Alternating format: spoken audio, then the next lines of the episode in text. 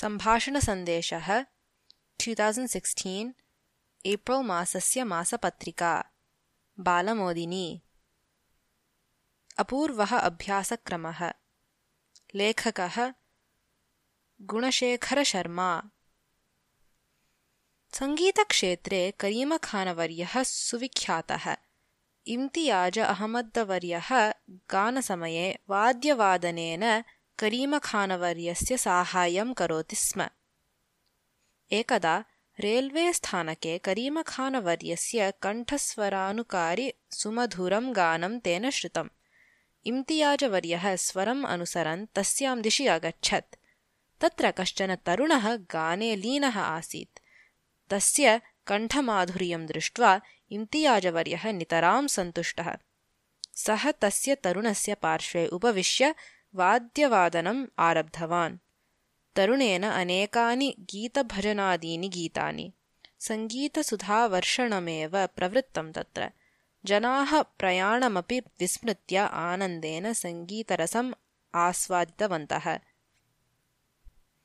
गानकार्यक्रमस्य अनन्तरम् इम्तियाजवर्यः तं तरुणम् अपृच्छत्। भोः करीमखानवर्यस्य सङ्गीतकार्यक्रमेषु अपि बहुत्र भवान् मया दृष्टः। भवता सङ्गीताभ्यासः कुत्र कृतः इति। तदा सः तरुणः अवदत् करीमखानवर्यस्य ध्वनिमुद्रिकाः श्रुत्वा सङ्गीताभ्यासः कृतः मया। करीमखानवर्यस्य सर्वाणि गीतानि अपि गातुं शक्नोमि अहम् इति। तदा इम्तियाजवर्यः तं तरुणं करीमखानवर्यसमीपम् अनयत्। तस्य तरुणस्य गानं श्रुत्वा करीमखानवर्यः अपि नितरां सन्तुष्टः। उत्कृष्टं गानं तव सुमधुरः कण्ठः श्लाघ्यः परिश्रमः तव गुरुः कः इति अपृच्छत् करीमखानः। उस्ताद् खान् सहेब् करीमखानवर्यः एव मम गुरुः इति अवदत् सः तरुणः। मया त्वं कदापि न पाठितः एव।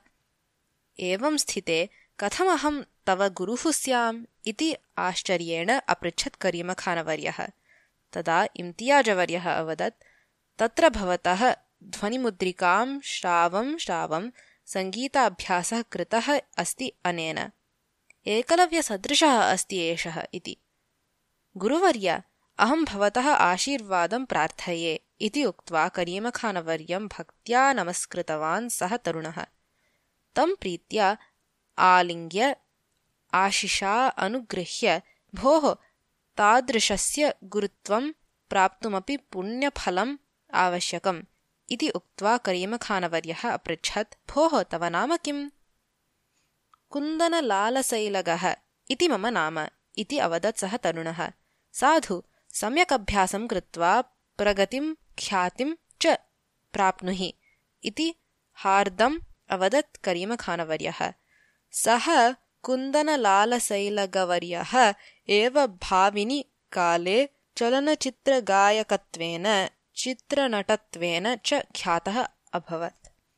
कथा समाप्ता